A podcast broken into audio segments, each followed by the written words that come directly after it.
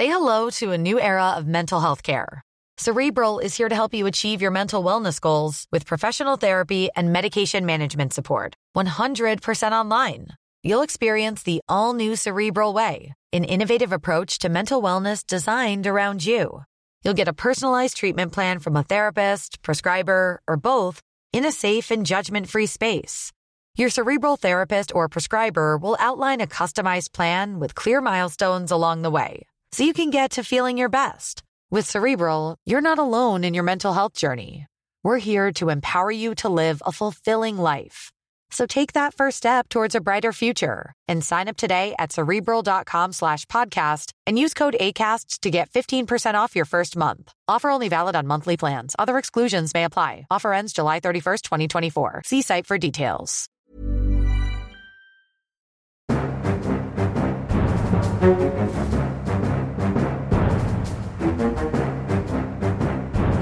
Ok, ok, ok. Da kjører vi på med en ny episode av Aftenpodden USA. Og det som er så utrolig hyggelig denne gangen, er at jeg sitter på samme sted som deg, eh, kommentator Kristina Pletten. God dag, god dag. God dag. Ja, det er jo helt fantastisk. Ja, det er Nesten virkelig- ikke til å tro. Nei, det er virkelig lenge siden vi har vært i samme rom sammen og spilt inn pod, men jeg har altså forflyttet meg fra USA til Oslo på juleferie, så nå er jeg i Akersgata 55, som er hovedkontoret til Aftenposten. Mm. For å Hvordan var pod. det å reise med fly og alt mulig nå i, i omikron-julen? Nei, det går helt fint. Det går Ja. helt fint. Det er jo, I Norge er det en veldig sånn følelse at alt stenger ned og alt er unntakstilstand, men, men det er jo faktisk mulig å sette seg på et fly for en virksomhetsnordmann nordmann og reise til USA i morgen, så lenge Mm. man tar en, en covid-test. Og det er jo covid-testing når man kommer på Gardermoen og sånn, men det gikk veldig fort. En halvtime bare, så er jeg inne i landet. Ja. Så um, det føles egentlig ikke så sjukt å reise hjem til Norge. Så jeg er veldig glad jeg gjorde det. Jeg var litt i tvil når jeg så nyhetsoverskriftene de siste ukene. Det virka faktisk en god del smoothere i USA enn i Norge. Ja, men eh, i dag går tallene litt ned, og det ser lysere ut, så, Ja. og solen snur samtidig, så Sola dette blir bra. snur, og omikron skyter i været i New York. Så det kan hende dette var riktig valg. Jeg fikk en gang en, e-post e-post av en leser som forklarte meg at solen snur ikke på himmelen. Nei. For jeg hadde da skrevet det i en artikkel. Så skrev han til meg for å opplyse om at Ja. det er ikke sånn at solen snur rundt Nei. på himmelen og går andre veien. Nei. Så nå vet dere det. Det tror sikkert de fleste journalister, ja. ja. Ja, men det er bra å få rettet opp i. Dette kan vi vel kalle en liten slags julespesial. Vi kommer ikke med noen episode neste uke, for da har vi fri, og forhåpentligvis skal gå litt på ski og kose oss litt. Men eh, Så i dag skal vi gjøre det litt annerledes enn vi pleier. Vi skal ha en liten OR til slutt, hvor vi skal trekke frem den største overraskelsen fra 2021. Og før det skal vi snakke litt om de tre personene som vil prege USA i 2022. Og da er det ikke lov til å ta Biden og Trump. Vi har valgt ut noen andre som særlig i 2022, da. Fordi det er 2022 vil spille en, en veldig viktig rolle, og som kanskje kan få store konsekvenser for hvilken retning USA tar som samfunn fremover. da. Utfallet av, av hvordan, de hvordan det går med de personene neste år. Men først så har vi jo vår siden sist-spalte. Og denne gangen så går vi til et tilbakevendende tema. Tilbake til et tilbakevendende tema som er Bidens agenda, og særlig Build Back Better. Den store reformpakken. Store velferdsordninger som skulle innføres. Han ble, inn, han ble sammenlignet med, med New Deal. Eh, Franklin Delano Roosevelt. Det ser jo ikke ut til å skje. Den har blitt mindre og mindre og mindre, den pakka gjennom året. Eh, forhandlet ned og ned og ned. Og i helgen så kom meldingen fra Joe Manchin, den avgjørende 50. demokratiske senatoren, om at han kan ikke støtte denne pakka. Mm. På Fox News. På Fox News, av Yes. alle ting. Det gjorde vondt. Det tror jeg gjorde veldig vondt. Og så må vi jo si at selv om denne pakken har blitt redusert og redusert, så er jo den fortsatt kjempesvær og Ja. større enn noen annen lignende eh, pakke i historien. Ja. Um, Manchin gikk på Fox News Sunday, som vi jo snakket om forrige uke, Ja. eh, Chris Wallace eh, sitt eh, gamle program, og sa at han eh, ikke kunne stemme for pakken. Og så har det vært veldig mye bråk og tut og kjør etter det, og snakk om at nå er Bidens agenda eh, død og begravet, osv. Men Ja. eh, det tror vel ikke vi helt på, Øystein. Vi tror vel kanskje at det kan fortsatt eh, komme noe på nyåret. Men de begynner å få dårlig tid. Ja, de begynner å få dårlig, litt dårlig tid. Det er vel, er vel noe med hvor nære mellomvalget man kan stemme gjennom så store ting og sånn, men, men de har jo tid. Og spørsmålet er jo Det man kan se for seg, er at den kommer tilbake uten å hete Build Back Better. Manchin kan si at dette er noe nytt eller noe annet, eller noe betydelig revidert, hvor de kanskje velger seg én eller to ting fra den pakka, da, og så stemmer igjennom. Det betyr ikke at det ikke blir noen velferdsutvidelser. Det virker som Manchin eksempel er for å reversere noen av de Trump-skattekuttene og, og sånn. Så det er vanskelig å se for seg at det ikke at det skal ende med absolutt ingenting. Det vil i så fall være en kjempesmell for Biden. Ja. Da har han jo ikke så veldig mye å gå til mellomvalg på neste år, akkurat. Nei. Så vi må forvente at Ma- Manchin er han, han har jo allerede signalisert han er villig til å inngå kompromisser, bare ikke, ikke den pakka som var. Det må være noe litt mer fra scratch, kanskje? Ja, og så er det jo, ikke sant, når du begynner med en sånn eh, forhandling, så er det jo alltid et spill, sant. Du, Ja. du går ut med og krever mer enn det du tror du får, sånn at du har noe å ta vekk. Ja. Men her har nok kanskje, tror jeg da, eh, Biden og demokratene gapt for høyt og puttet for mye inn i denne pakken som gjør at den eh, virker til dels litt sånn uforsvarlig, i hvert fall i den situasjonen som er nå, med, med stigende inflasjon og økonomisk usikkerhet. Ja. Og det er jo Manchin sitt hovedpoeng, ikke sant, at han mener at eh, at han er, den er ikke betalt for, den er ikke vektet godt nok i forhold til inntekter og utgifter. At det kan liksom bli et stort problem for den amerikanske økonomien da. Og det, det er vanskelig, syns jeg, å, å liksom veie helt disse forskjellige tallene mot hverandre. For at alle opererer med forskjellige tall om hvor mye Ja. det vil koste, hvor mye penger de vil få inn. Det er forskjellige sånn uavhengige byråer som Ja. har vurdert det, og det er ingen som helt klarer å, å liksom spikre det, da. Nei, men det er jo fordi det er, er ulike måter å se det på. Men, fordi det de gjør i den pakka, som de gjør, er sånn triks de pleier å bruke, er at de innfører nye store velferdsordninger som sier de skal utløpe om et år. Vi skal ha barnetrygd til alle, den skal Mm. vare i et år. Så bruker de sånne budsjettriks. Ja. Så de sier at den er betalt for, sånn som pakka ser ut nå, gitt Mm. at disse velferdsordningene utløper om et år. Men det er det ingen som tror de kommer til å gjøre. Og derfor så har kanskje Manchin noen poenger med at på Mm. sikt så vil det bli inflasjonsdrivende. Da må de enten sette opp skattene mer for å betale for det, eller de må Ja. ta opp lån. Og så har man innført ordninger som man ikke kan rulle tilbake. sånn. Men, men han har fått kjempekritikk av eget parti. Han fikk ordentlig skyllebøtte fra Det hvite hus, som nærmest Ja. beskyldte ham for løgn. Så han får virkelig, virkelig Mm. gjennomgå. Det er bitter sånn pressemelding fra Ja, Det hvite hus om at han hadde vært hjemme hos Biden i Delaware, og liksom sånn 'vi har vært så grei med deg', og så, Ja. og så stikker det oss i ryggen på denne måten. Ja. Det var virkelig eh, Ja, det var det, det begynner å stramme seg skikkelig til. Men- Men jeg hørte Han var på et sånn radioshow i, i West Virginia i går, da, og da eh, sa han jo på en måte at eh, det var ikke Biden, men det var staben rundt Biden som hadde gjort at han ikke kunne tåle dette her. Og, altså, han prøvde liksom å trekke seg litt sånn fra det han hadde gjort, da. Ja. Så det kan jo hende at han eh, ja, at han har fått litt mer reaksjoner enn det han kanskje hadde ventet. Jeg vet ikke, han må Vet jo se dette komme. Dette er jo Ja. på en måte hele hovedplanken i Bidens agenda. Men det, det som man glemmer litt, da jeg ser Bernie Sanders og sånn, så kjempekritisk og sier Mm. liksom, velgerne i West Virginia vil straffe, straffe deg, og hvordan kan du gjøre dette mot dem og sånn. Og han har jo et poeng, det er jo en av de fattigste delstatene sånt, men samtidig, det er jo litt sånn Manchin har jo på en måte rula West Virginia. Det han har gjort, er jo egentlig helt utrolig. Å greie å vinne en stat som Trump vant med 70% Han fikk 70% av stemmene. At en demokrat kan klare å helt tatt overleve der. Hvis det er noen som kjenner velgerne i West Virginia, så er det jo Joe Manchin. Så jeg synes jo ja, og jeg, tror han nettopp må gjøre sånne ting som det her av og til. Markere uavhengighet, få nasjonale overskrifter, vise at han er sin egen mann. Han er ikke en lakei for Biden. Hvis han skal ha noe som helst sjanse, hvis demokratene skal ha noe som helst Det er jo egentlig litt sånn kunstig at demokratene har en senator fra West Virginia. Det er jo på en måte veldig flaks. Så de kan, de har jo de har 50, de har halvparten av senatet, men det er på en måte bare så vidt når du, når du lener deg tungt på en fyr som representerer West Virginia Ja. i de 50. Og jeg tror velgerne i West Virginia er typisk sånne der eh, hvite lavinntektsvelgere som ikke tror at de vil få noe igjen for all den pengebruken som ligger i, i en sånn pakke, da. Mm. At de pengene vil bli sløst vekk andre steder, og så vil det bare bli enda verre for de.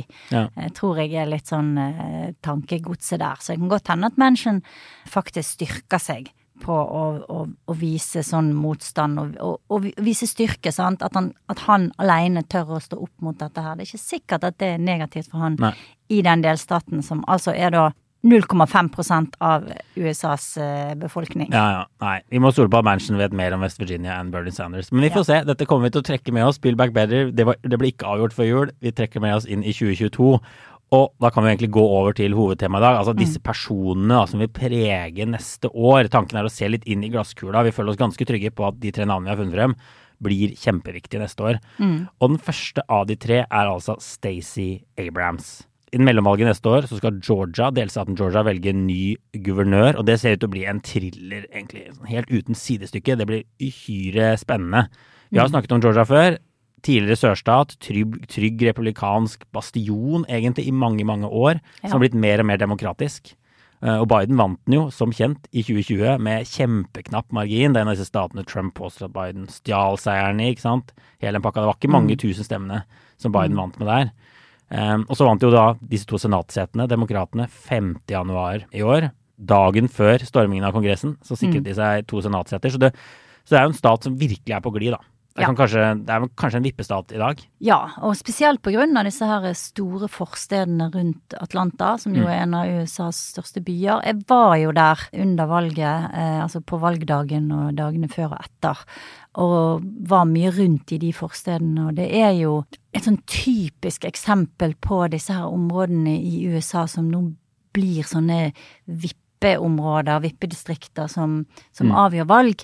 Og det var masse folk eh, som eh, eh, som sto ved valglokalene og fulgte med når de tatt opp stemmer, og det var utrolig mye eh, hurlumhei rundt hele den der eh, prosessen i Georgia. Trump var i Georgia to dager før 6. januar. Ja. Eh, Det var jo disse to senatorene, så vi kanskje har glemt noe, men det var to senatorer fra Georgia som, eh, som sto på valg, og som det, ble sånn eh, eh, gjenvalg eh, i begynnelsen av januar. Ja, Det var en veldig uvanlig situasjon med to senatsvalg helt Ja. samtidig. Ja. Da en måned etter presidentvalget. En kjemperar Og, situasjon. og de avgjorde jo da denne balansen i Senatet og gjorde at eh, det var to demokrater som vant. Ja. Eh, overraskende nok. Så Georgia er kjempespennende. Ja. Og det blir eh, utrolig interessant å se hva som skjer med det guvernørvalget. Og Brian Kemp, som er guvernør i dag, var jo opprinnelig en sånn skikkelig Trump-påle, ikke sant? Ja. Han var eh, Ja, han var veldig populær hos Trump. Og en av hans liksom nærmeste guvernører, da. Så det, det er jo også en sånn Ja. reversal of fortune. Ja, det er veld, veldig mye interessant som foregår der i, i, i Georgia. Men la oss, det er altså guvernørvalg Yep. eh, i, altså, i 2022. Stacey Abrams ser ut til å bli demokratenes kandidat. Det skal være primærvalg der, men hun er den store, store favoritten. Og vi må snakke litt om hvem hun er. Altså, hun er 48 år, hun er svart. Hun stilte til guvernørvalg i 2016 og tapte knapt mot denne republikaneren Kemp den gangen. Men hun har liksom hatt en stor profil i partiet, og mange vil gi henne ganske mye æren for at Georgia har blitt en vippestat. Hun har registrert utrolig mye svarte minoritetsvelgere i den staten.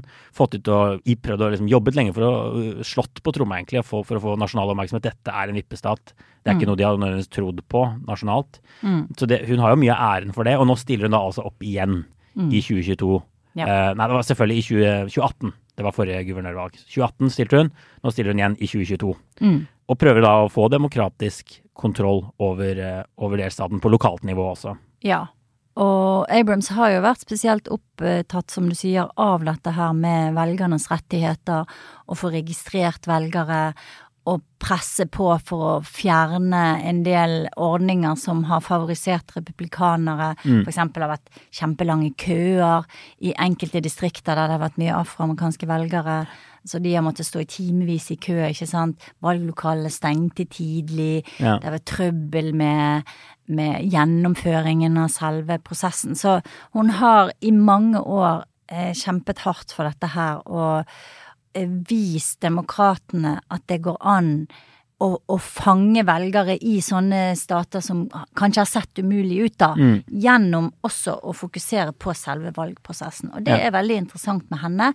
Og det er vel mange demokrater som kanskje tenker at det er en modell som de også kan løfte opp på et nasjonalt nivå, og at de har ganske mye å hente der, og det kan godt hende. Ja. Så, så, så hvis hun vinner, da, så vil det jo være bare en bekreftelse at demokratene er i ferd med å feste skikkelig grep om Georgia. Det vil være nesten en liten overraskelse i 2022, hvor alle venter at egentlig republikanerne gjøre det ganske godt. Eh, Så det vil jo være et veldig viktig signal til demokratene hvis hun vinner her. En stor altså, prestisjeseier for henne. Hun er absolutt da en het presidentkandidat også eh, lenger frem i tid, hvis hun klarer å vinne dette valget her nå. Og så er det jo viktig av en grunn til, og det er jo neste presidentvalg. Det er jo mye snakk om lokale valglover og den type ting. Og hvis demokratene klarer å sikre seg De har jo ikke flertall i delstatsforsamlingen der, og de har ikke guvernøren i dag. Hvis de klarer å sikre seg det, så kan de i hvert fall være med å påvirke valgsystemet, valglover, da, hvis republikanerne ja. prøver å stramme inn eh, i en så viktig vippestat som Georgia er i ferd med å bli. Mm. Så kan hun i hvert fall holde igjen på det. Mm. Eller kanskje til og med ekspandere tilgangen til å stemme der, og gjøre det mer sannsynlig at demokratene kan vinne den staten igjen da, i 2024. Så det er jo også viktig, viktig sant, for nasjonalt nivå, hvis de klarer det. Absolutt. Og du har jo disse tre statene nå, eh, Virginia, North Carolina og Georgia, som alle er blitt vippestater, som alle har litt sånn de samme, den samme dynamikken, disse her mm. nye tilflyttervelgerne. Ja, gamle sørstater. I gamle ja. sørstater, mm.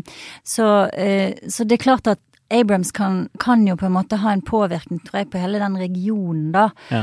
Og det vil være kjempeviktig for demokratene hvis de kan liksom feste et uh, grep om det. Men tror du hun kan vinne? Altså, hva, hva, tenker du? Du har vel også vært på noen sånne rallies med henne og sånn? Ja, ja. Altså, hun har jo et eller annet hun, har, hun er uh, veldig god taler. Hun er karismatisk. Hun er uh, en litt sånn annerledes politiker enn eksempel Jeg så henne en gang sammen med Campbell Harris. Og Harris er jo veldig sånn polert og kommer med sånn perlekjede og er, og er mer en sånn Virker mer som en sånn eh, Hva skal jeg si En elitepolitiker. Eh, Abrams er jo en kvinne av folket på alle måter. Mm. Ikke at ikke Harris er det, men hun, hun har en mer sånn folkelig personlighet. Eh, hun har en, en politisk profil som jeg tror er mer sånn rotfestet i det afroamerikanske miljøet og kulturen. Mm. Eh, og så samtidig så er hun lynskarp, smart, flink. Kanskje det hun må jobbe litt med, da, er å forme den politiske profilen sin bedre. At hun har vært veldig opptatt av dette med, med velgerrettigheter og gjennomføringen av valg, men har kanskje vært litt sånn mer ullen på hva hun egentlig står for. Ja bread and butter og økonomi og disse tingene der. Ja. Vi får bare, før vi går videre, vi får bare si at er, vi vet ikke hvem som skal bli hennes utfordrer på republikansk side. og Det kan også bli ganske avgjørende. Der er det et svært felt med folk. Mm. fordi vi, Du nevnte Brian Kemp, den sittende guvernøren, som altså har, var en Trump, eh, ikke lakei, men i hvert fall stor fan som har havnet i unåde etter at han nekta å gi Trump Trump ville at de skulle si at han vant Georgia. De skulle finne disse stemmene som gjorde det liksom tilstrekkelig, tilstrekkelig antall stemmer fordi mm. Trumps er Det mm. ville ikke Kemp gjøre, så nå er han blitt Trumps fiende. Ja. Så nå Trump støtter en annen republikaner, David Perdue, som jo ja, Dette er komplisert, men han hadde altså et tidligere senatssete. Han tapte dette senatsvalget i januar. Mm. Og nå skal han stille til guvernørvalg i stedet, med Trumps støtte, da, som en enda mye mer sånn Trump-vennlig kandidat. Men det er også en hel haug med andre Trump-vennlige kandidater som stiller til valg der. Så hvem som utfordrer Abrahams kan jo ha litt å si her også. Hvis det blir en sånn utrolig ytterliggående Trump-kandidat, så øker det kanskje sjansene hennes for å vinne, da. Hvis hun kan fremstå som litt mer eh, Eller tenker du ikke det? Jo.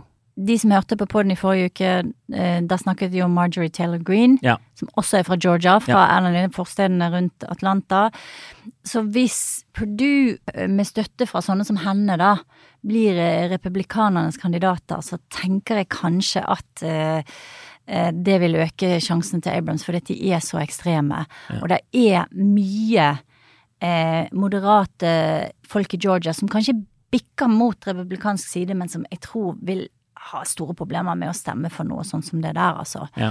Og bare for å forklare hvor konservativ Kemp egentlig er, da. Så han, når han vant i 2018, så kjørte han sånne annonser der han sto med en sånn minivenn og sa at han skulle sjøl liksom samle sammen ulovlige immigranter og kjøre de til grensen til Mexico ja. og liksom kaste de personlig, sparke de baken over grensen, liksom. Så han er ikke noe Dette er det liksom moderate eh, alternativet. Som, eh, han er ikke noen sånn fotformsko-republikaner. Han er en skikkelig eh, skikkelig trumpa egentlig, han også. Ja. Nei, det blir uhyre spennende. Stacey mm. Abrams, altså et navn å følge med på. Og så Neste på lista vår er uh, Brett Kavanaugh, som mm. ikke er politiker. Selv om noen uh, demokrater sikkert vil si at han i høyeste grad er en uh, politisk utnevnt dommer. han er jo politisk utnevnt, selvfølgelig. Altså, det er jo alle høyesterettsdommerne, men han er altså høyesterettsdommer. Mm. Um, og Høyesterett, det vet vi allerede, kommer til å spille en ekstremt viktig rolle i 2022. Vi vet det kommer viktige domsavsigelser på abort, og i hvert fall på våpenlover, og antageligvis på flere, flere andre ting. Og de kommer antageligvis i, til sommeren, altså et halvt år før mellomvalget. Ja. Eh, og Høyesterett i USA nå er konservativ. Seks konservative dommere, tre liberale, så tre som altså er utnevnt av eh, demokratiske presidenter. Seks fra republikanske presidenter. Eh, og Kavanaugh regnes altså nå da som mediandommeren, altså den midtre dommeren. Og han vil altså da bli veldig avgjørende for utfallet. Han kan på, på langt vei liksom være med å diktere hva utfallet i disse sakene skal bli. Og det er ikke sånn synsing når man sier at han er mediandommeren. De, kan, de regner på dette. De ser på hver eneste sånn term i Høyesterett, og så ser de hvem stemmer flest ganger med flertallet. Og Kavanaugh mm. sitter nesten alltid og stemmer med flertallet. Ja, så det er derfor han regnes som en sånn sentrumsdommer, mediandommer. Som ikke betyr at han er liberal eller moderat, men det betyr bare at han er i midten i dagens konservative høyesterett. Så hvor radikale endringer Kavanaugh er villig til å gå med på, det blir avgjørende for hvilken retning USA, USA tar. Mm. Og vi sa allerede ikke sant, det ligger i kortene at eh, de vil gjøre det eh, lettere for delstater å begrense tilgangen til abort. Det var de tydelige, tydelige signalene fra alle de konservative dommerne, egentlig. Altså alle seks. Mm. Og så er spørsmålet hvor langt de vil gå. Og Kavanaugh sendte signaler om at han er villig til å gå så langt som å vrake den Roe versus Wade-dommen. Det vil være liksom, en ganske ekstrem endring å si at det er opp til statene de ikke står helt fritt til å sette sine egne abortlover. Mm. Som vil forby abort i en god del amerikanske stater over natta. Det vil jo være liksom en ganske sånn ekstrem dom, en veldig veldig stor endring fra i dag. Ja. Da, han må antakeligvis være med å stemme for det hvis det skal bli flertall for en så radikal abortlovendring. Og nå eh, kan vi jo minne om det som er litt spesielt med USA, eh, at det, det, er ikke sånn at den amerikanske staten noen gang har vedtatt en abortlov. Nei. det har de aldri gjort. Eh, så det eneste egentlig lovverket amerikanerne har når det gjelder abort, det er disse dommene mm. der de har eh, enkeltpersoner eller organisasjoner har tatt, tatt saker opp. Og så har, har, de beveget seg opp gjennom, gjennom systemet, og så har Høyesterett avsagt en dom basert på Grunnloven, der det ikke står noen som helst ting om abort. Nei. For den er eh, mange hundre år gammel. Ja. Så Roe versus Wade handler om retten til privatliv.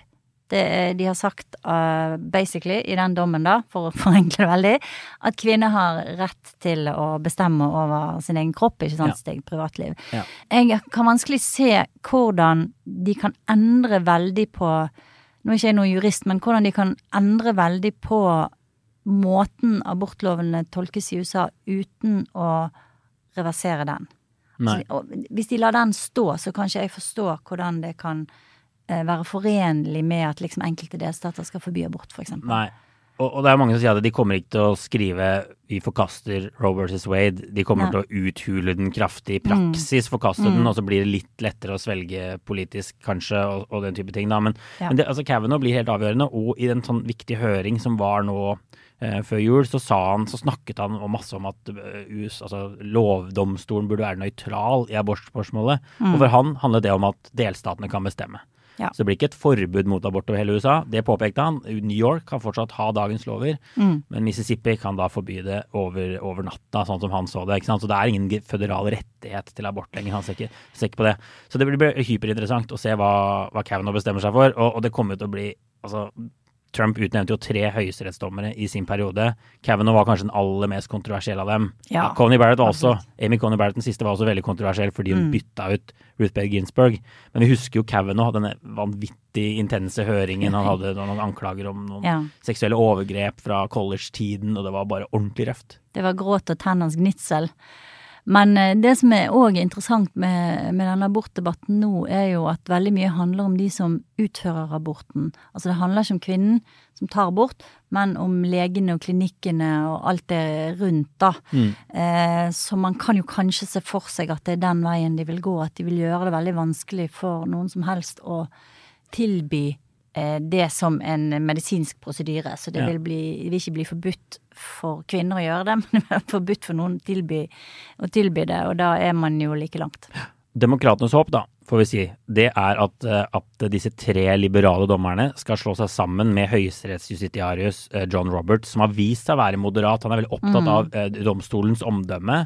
Mm. Og at ikke de skal ta for store skritt for raskt. At dette skal gå Han er sånn såkalt inkrementalist. Og vi ser allerede at tilliten til Høyesterett faller. Det har vært en av de institusjonene, institusjonene, som har beholdt ganske bra med tillit i USA, hvor alt annet rakner på stort sett alle områder. Mm.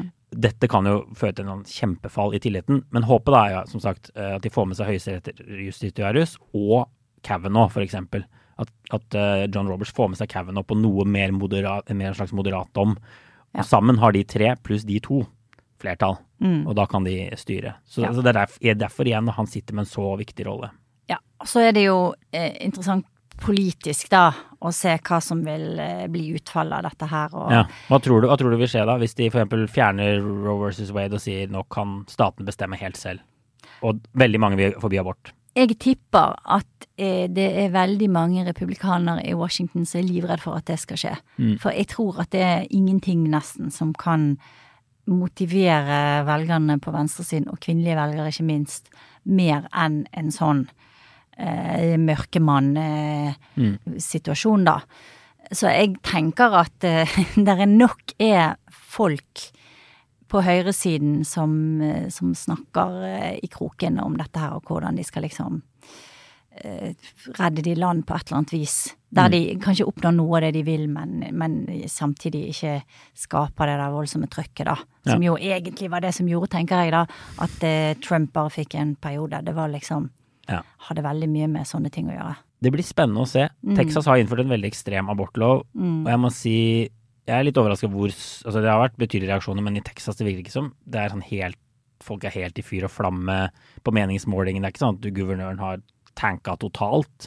Nei. Så det kan hende man overdriver litt. Det er ingen som helt vet hva som vil skje hvis de, hvis de fjerner den. Uh, men, men tanken min er også det at det vil bety ganske mye.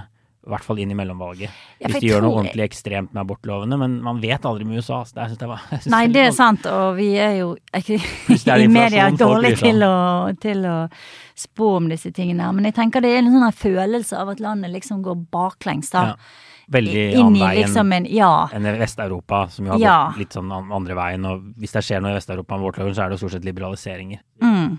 Så jeg ville jo tenkt at det å liksom få hele sånn identiteten og hva skal USA være og alt det der, så, så blir det veldig vanskelig. Det blir spennende å se. Mm. Det blir spennende å se. Siste person da, som vi tenkte å snakke litt om i dag, er Liz Cheney. 55 år gammel kongressmedlem fra Wyoming. Hun ble valgt inn for første gang i 2017. Hun har vært veldig mye rampelys allerede i 2021, vi får si det.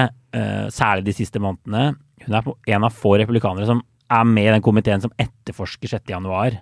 Det er jo blitt boikottet av partiet, men hun har sagt seg villig til å stille der. Og hun går også i strupen på mye av sine egne folk, og hun har vel de siste ukene lest sånne SMS-er fra Fox, øh, og hvordan de øh, samhandlet med Trumps stabssjef, Mark Meadows, under, under disse angrepene. Hun har lest, hun har lest de SMS-ene opp høyt Ja, i høringene. Høytlesning. Og, Ja. og det er tydelig at dette er noe demokratene og komiteen mener at har mye mer effekt når det kommer fra en republikaner med et navn som Cheney, som altså er datteren til visepresidenten til George W. Bush, Dick Cheney. Ja. Dette er jo så republikansk som du får det egentlig på papiret. Ja ja, dette er jo et dynasti, republikansk dynasti. Og Cheney har vist seg å være like tøff, og kanskje tøffere enn faren. Uh, hun har uh, egentlig Hun fikk jo veldig mye kritikk fra sine egne etter at hun uh, gikk ut mot Trump etter 6. januar. Mm. mange trodde kanskje hun ville liksom dempe seg litt, eller forsøke å ro seg litt i land, og man så at det ikke hadde den effekten på Trump som, som mange trodde, inkludert vi, da, Ja. at det skulle ha. Men isteden så har hun egentlig bare smelt til enda hardere. Ja. Hun har virkelig gjort dette til en sånn uh, hjertesak. Og snakker om at det handler om demokratiet, og, og fått veldig mye skryt fra sine eh, Særlig fra demokrater, selvfølgelig. Ja. Um, Og fra en gamle del- sånne, gamle sånne Bush-republikanere som har Ja. den Trump-ryggen, er jo Ja. særlig der hun har, for de er jo enige med henne politisk òg, mens Ja mange da. republikanere Nei, demokrater er jo helt uenige med henne Ja da, politisk, så de sliter jo- litt med å svelge komboen av demokratiforkjemper og megakonservativ. Ja, hun er jo, eh, hun er jo mørkeblå. Ja. Hun er virkelig eh, langt ute der, så hun er ikke noe sånn eh, persilleblad på noen måter. Nei, og det som er gøy da, er at for det første så vil denne 6. januar-komiteen bli veldig viktig neste Mm. år også. Det blir antageligvis det siste året hvor den vil bety noe særlig, for alle forventer, eller den store forventningen er jo at demokratene mister flertallet i Representantenes hus i Mm. november neste år, og da vil antageligvis den komiteen bare må pakke sakene sine og, og legge sammen. Og så blir det vel noe etterforskning av demokratene, da, kjenner vi, kjenner vi dette systemet rett. Så Mm. nå har de et halvt år på seg, kanskje litt mer, til å bare få ferdig denne etterforskningen. Mm. Så der vil hun spille en helt sentral rolle. De kommer antageligvis til å skyve den enda, mer tydelig frem, og hun er jo bare, som vi sier, kjempevillig til å Dette er den store saken for henne, virker det som. Det er Ja. dette hun profilerer seg på. Ja. Men, men vi må bare si, hun er jo også på valg i 2022. Det er derfor vi tar henne med her. For Mm. det hun burde gjort hvis hun hadde hatt lyst til å beholde setet sitt, er jo antageligvis Ja, greit, det var noen som stemte for riksrett. Um, men også burde hun kanskje bare vært stille og snakket om konservative Wyoming-ting. Redde kullet, eh, abort. Mm. Men det har hun ikke gjort. Så da er spørsmålet Altså hun representerer altså et kongressdistrikt som dekker hele Wyoming. Det er den eneste Ja. kongressrepresentanten fra Wyoming. En, den mest konservative eh, staten i hele USA i 2020 i valget. Det var Wyoming. Og så på andreplass tror jeg det var West Virginia. Så det er de to statene som er de mest trumpete i hele USA. Men Du, du var der og laget reportasje på distriktet hennes, ikke Ja, jeg var jo laget en reportasje på distriktet hennes På eh, før- stemningen i Ja, stemningen før riksrettssaken mot Trump, den andre Mm. riksrettssaken om 6. januar. Og det er, Ja. altså, hun, hun blir jo liksom stort sett totalslaktet av Ja. sine egne velgere der oppe, som jo Mm. ja, 70 er republikanere, da. mm. Eh, Så, så det hun gjør er ekstremt oppsiktsvekkende tatt i betraktning at hun representerer den mest trumpete staten. Så eh, det virker jo litt som hun går ned med flagget til topps. Men hun, hun, stiller, altså hun prøver å beholde setet sitt, og det blir en, et, et av de kanskje mest spennende oppgjørene, de interne republikanske oppgjørene. Om hvis hun klarer å beholde den plassen, f.eks., så er det et, et direkte slag rett i trynet på Donald Trump. Det vil skape store overskrifter, Ja. tenker jeg. Men så kan du jo tenke at hun Ja, hun Men hun tar prøver på et eller annet. Da. Ja, hun hun prøver på et eller annet, og jeg tenker at hun, hun tenker langsiktig. Hun eh, ser at her er det en mulighet. Mm. Eh, Hun har uansett sant, ikke noe sjans i det der Trump-universet. Om, om hun ikke hadde sagt et pip etter 6. januar, så hadde ikke hun vært noen stjerne i Trump-universet. Fordi hun tilhører den der gamle garden og Ja. eh, eh, republikanske elitene, Bush-elitene. Så hennes game nå er jo da på en måte at hvis eh, det kommer en dag der Trump mister grepet om partiet, der den andre delen av det konservative USA seiler opp igjen, Ja. og det kan jo skje, da står hun ganske sterkt, altså. Da er hun en av veldig få som har stått rakrygget i dette her og eh, vært en, en forsvarer av demokratiet. Det mener jeg oppriktig at, eh, at hun har gjort. Ja. Og det kan jo også hende at i løpet av de neste månedene så kommer det ting fra den komiteen som vil være eh, enda mer ødeleggende og oppsiktsvekkende enn det som allerede har kommet frem. Mm. Nå er det jo en dragkamp i, retts, i domstolene og i rettsvesenet og sånn Ja. om hva eh, som skal utleveres av papirer, og man prøver vel å trenere, da. Ja. Eh, sant? Frem til det du sier, at eh, republikanerne tar over Kongressen igjen. Så det kan godt hende at Cheney om noen år eh, ser veldig smart ut. Og, ser, og, og, og man ser at ok, her var en som virkelig spilte et long game, liksom. Ja.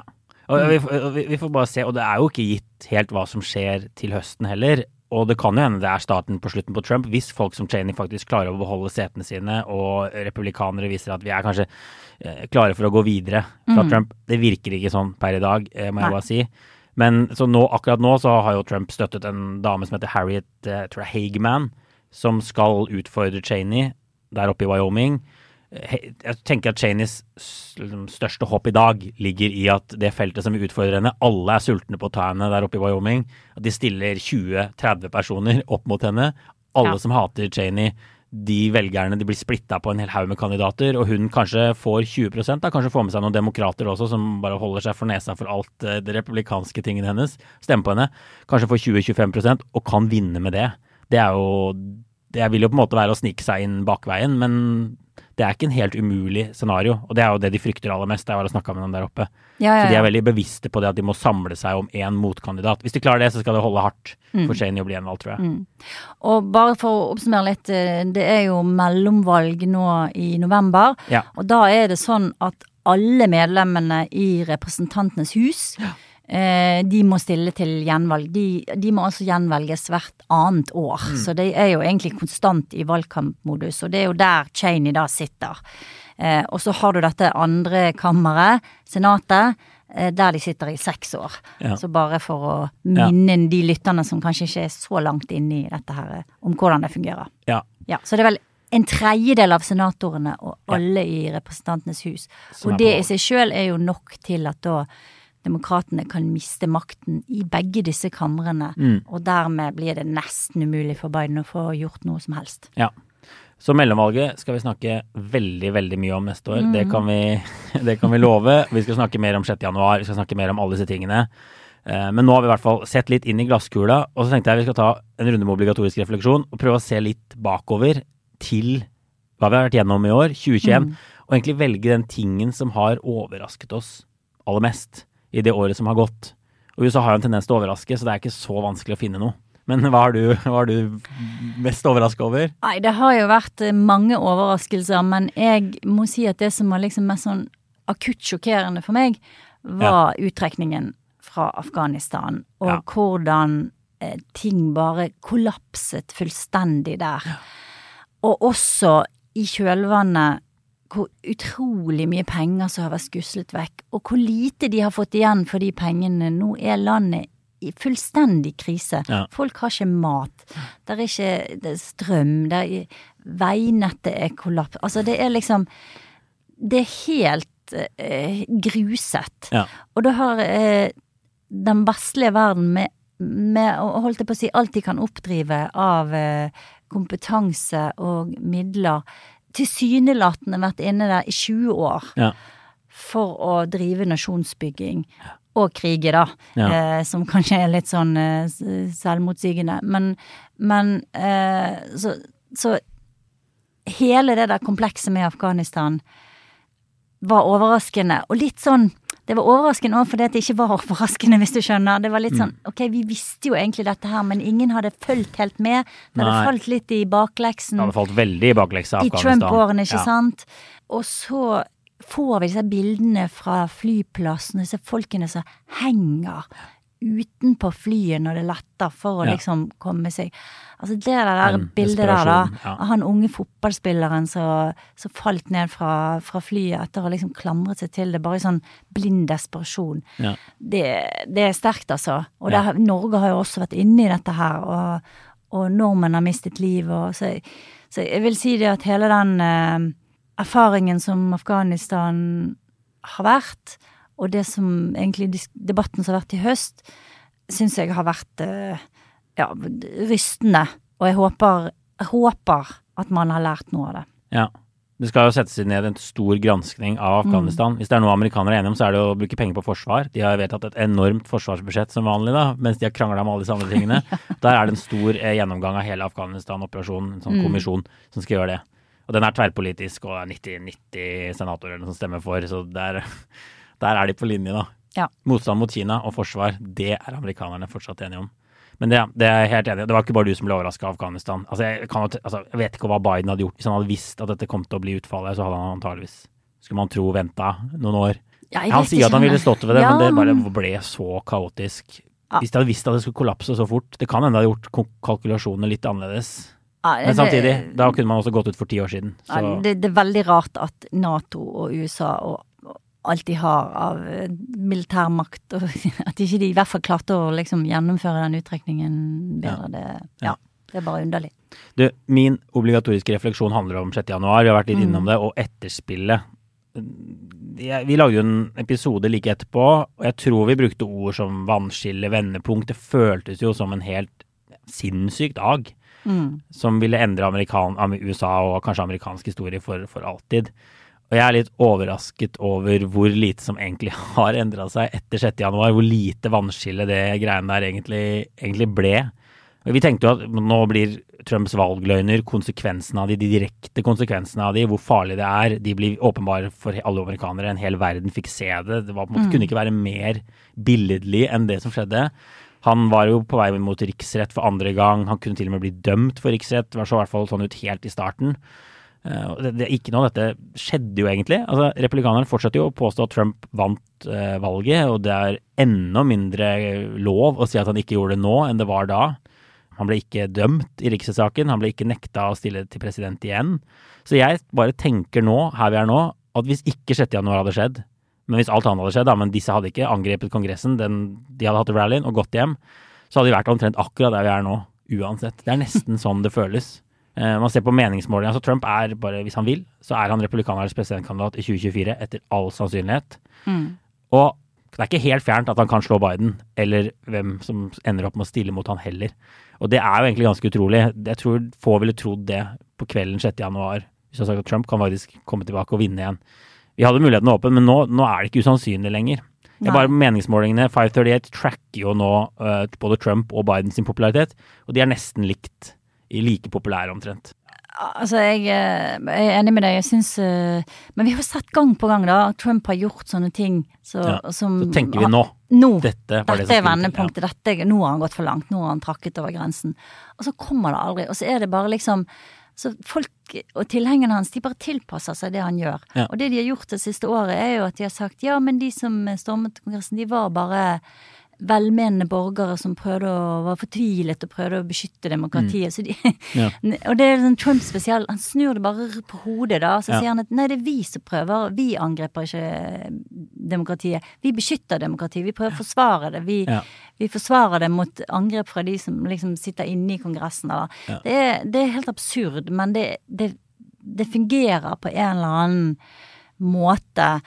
Og jeg vet liksom ikke om det er noen grense for hva Trump kan gjøre lenger, som hans tilhengere ikke vil godta. Og jeg vet heller ikke hvor stor den gruppen er. Nei. Altså, er det sånn at det er nesten halvparten av velgerne som vil godta hva som helst fra Trump? Mm. I don't know, men vi får vel kanskje svaret på det i 2024, da. Ja. Vi får antageligvis ikke svaret i 2022, men eh, i 2024. Vi får bare se. Det kan jo bli klarere om Trump stiller igjen og disse type tingene også gjennom 2022. De færreste tror vel han kommer til å si noe før mellomvalget, Mm. men det klarer, kan hende han ikke klarer å dy seg. Men du, jeg tror vi setter strek der, Kristina. Superhyggelig å være på samme sted igjen. Det Det, blir et unntak, for jeg skal snart tilbake til USA. Men jeg tenker at vi takker bare for i år til alle Ja. lytterne. Ja, si god jul. God jul og godt nyttår, og følg oss på Facebook. Der er det mange spennende diskusjoner. Eh, opphetede til tider. Vi gjør så godt vi kan med modereringen. Men ja, da ses vi igjen i 2022, og inntil da får alle ha det bra. Ha det, ha det.